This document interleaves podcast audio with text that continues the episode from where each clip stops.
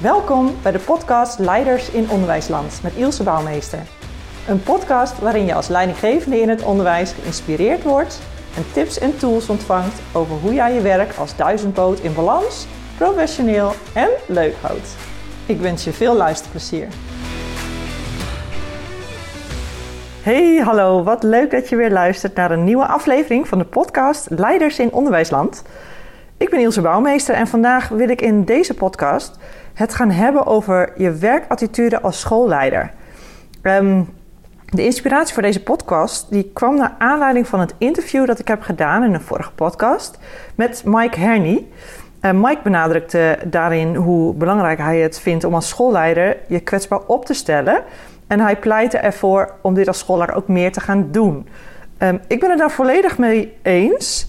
En daarom besloot ik om deze podcast op te nemen om wat meer in het onderwerp te verdiepen. Want wat laat je nou wel en niet van jezelf zien als schoolleider?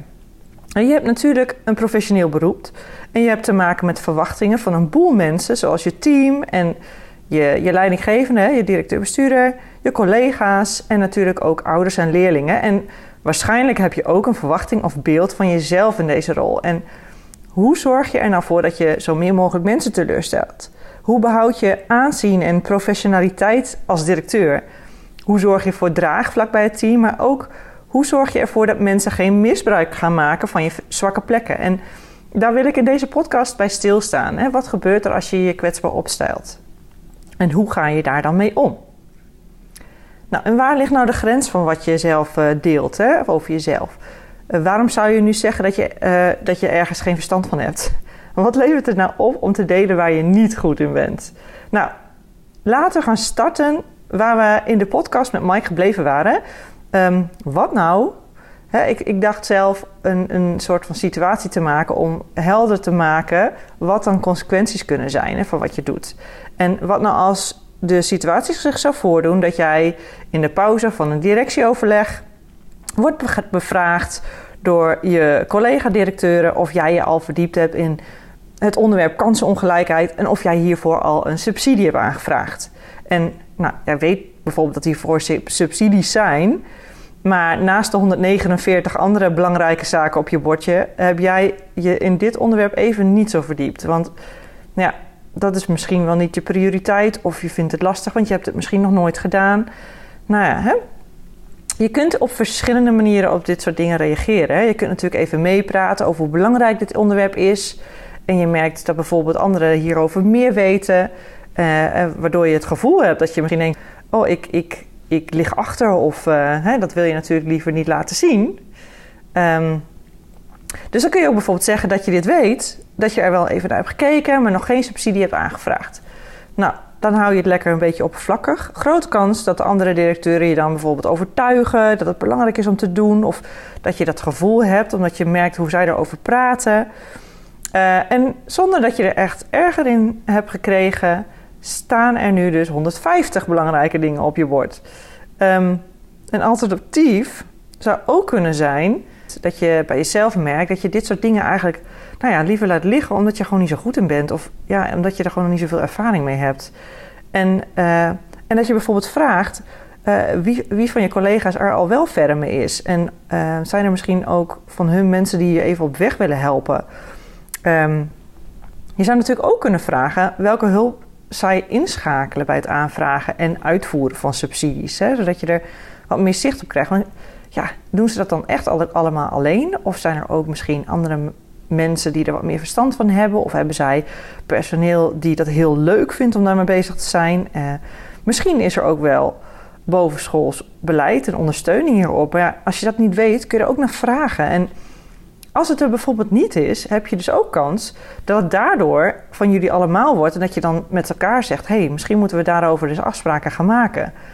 Um, zo wordt het niet één van de zoveel dingen die jij alleen helemaal moet volbrengen. Hè? Maar je kwetsbaarheid wordt dan juist je kracht, omdat je dan kijkt naar mogelijkheden om het eigenaarschap te delen. Zo ben je niet alleen bezig met je kwetsbaar opstellen, maar ook met je eigen grenzen accepteren. Je kunt namelijk niet alles doen en overal goed in zijn.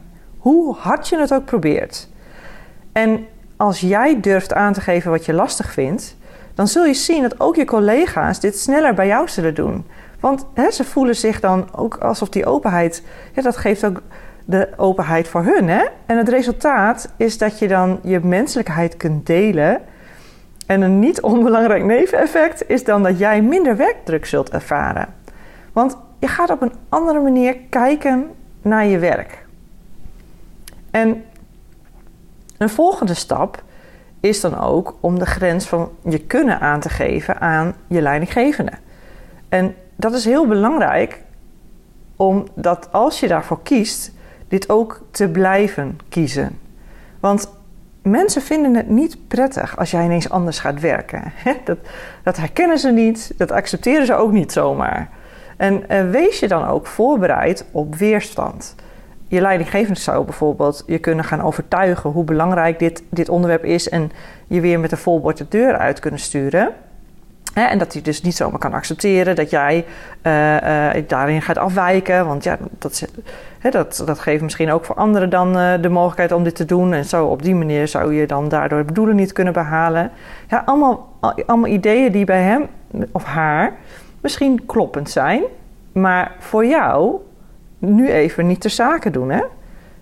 Jij hebt als doel om je werk behapbaar te houden. En, en waarschijnlijk ook leuk, hè? want uh, dan, daardoor wil je het ook blijven doen.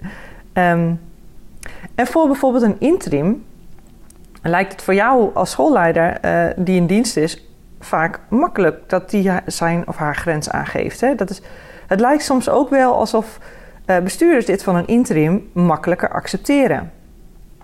En eerlijk gezegd denk ik dat dat ook zo is. Um, en waarom ik dat denk, is omdat interimmers door hun zelfstandigheid en ook kwetsbaarheid hierin ook genoodzaakt zijn om heel duidelijk hun grens aan te geven. Of de consequenties van hun keuze bijvoorbeeld heel duidelijk te maken. Want interimmers leren dan ook de vaardigheid uh, van hun werkbegrenzen veel sneller aan, omdat zij nou ja, omdat ze onder andere geen vangnet hebben, hè, geen ziektewet. En, uh, en zij hebben heel erg veel belang bij een tevreden opdrachtgever. Hè. Hoe belangrijk is dat als interim? Want je, ja, je, je, daar moet je het van hebben, je goede naam eigenlijk. Hè? Want dat is ook je visitekaart. En hoe tegenstrijdig dit ook lijkt, ze kunnen maar beter gewoon heel helder zijn over de verwachtingen aan de voorkant dan over teleurstellingen aan de achterkant over het resultaat want dat is natuurlijk voor hun dan, ja, dat is heel snel de keuze.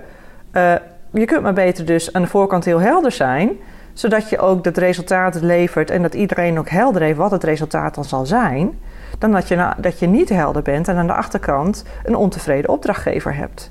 Nou, dat maakt dus dat de noodzaak voor een interim om heel duidelijk te begrenzen en ook duidelijk te zijn wat wel, wat niet, om dat gewoon um, goed neer te zetten.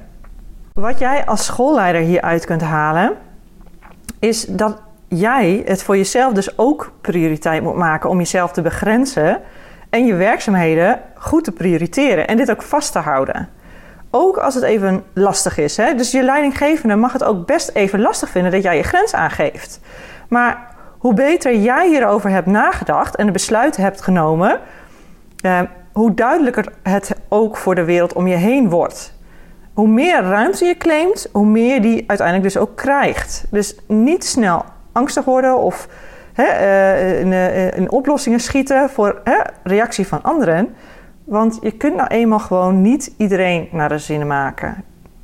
Maar je zult nog wel je hele leven met jezelf moeten doen. Dus beter leer je goed voor jezelf zorgen. Niemand anders kan dit ook eigenlijk doen. dus leer, leer dit jezelf en maak het ook prioriteit. En je zult ook zien dat wanneer jij jezelf meer ruimte geeft om te leren, door je open te stellen en over, over je tekortkomingen, maar ook, ook met betrekking tot je grenzen, dat je daarmee ook je collega's en je team inspireert. Dus het is uiteindelijk gewoon een win-win-win situatie voor iedereen. Dus ja, je eigen zelfontwikkeling. nou, ik hoop dat ik het zo duidelijk heb kunnen maken. Wat de link is dan tussen jezelf kwetsbaar opstellen uh, zelf blijven leren en jezelf ook de ruimte geven om te mogen vallen en opstaan. En je grens aan te geven. En het resultaat is dan dus ook een open leercultuur in je team. Plezierige samenwerking met je, met je collega's. En ja, ook een stuk meer zelfliefde. En daardoor ook waarschijnlijk ook enorm veel meer werkplezier. En nou ja, daarvoor wil een bestuurder met visie op het behouden van goed personeel echt wel naar luisteren.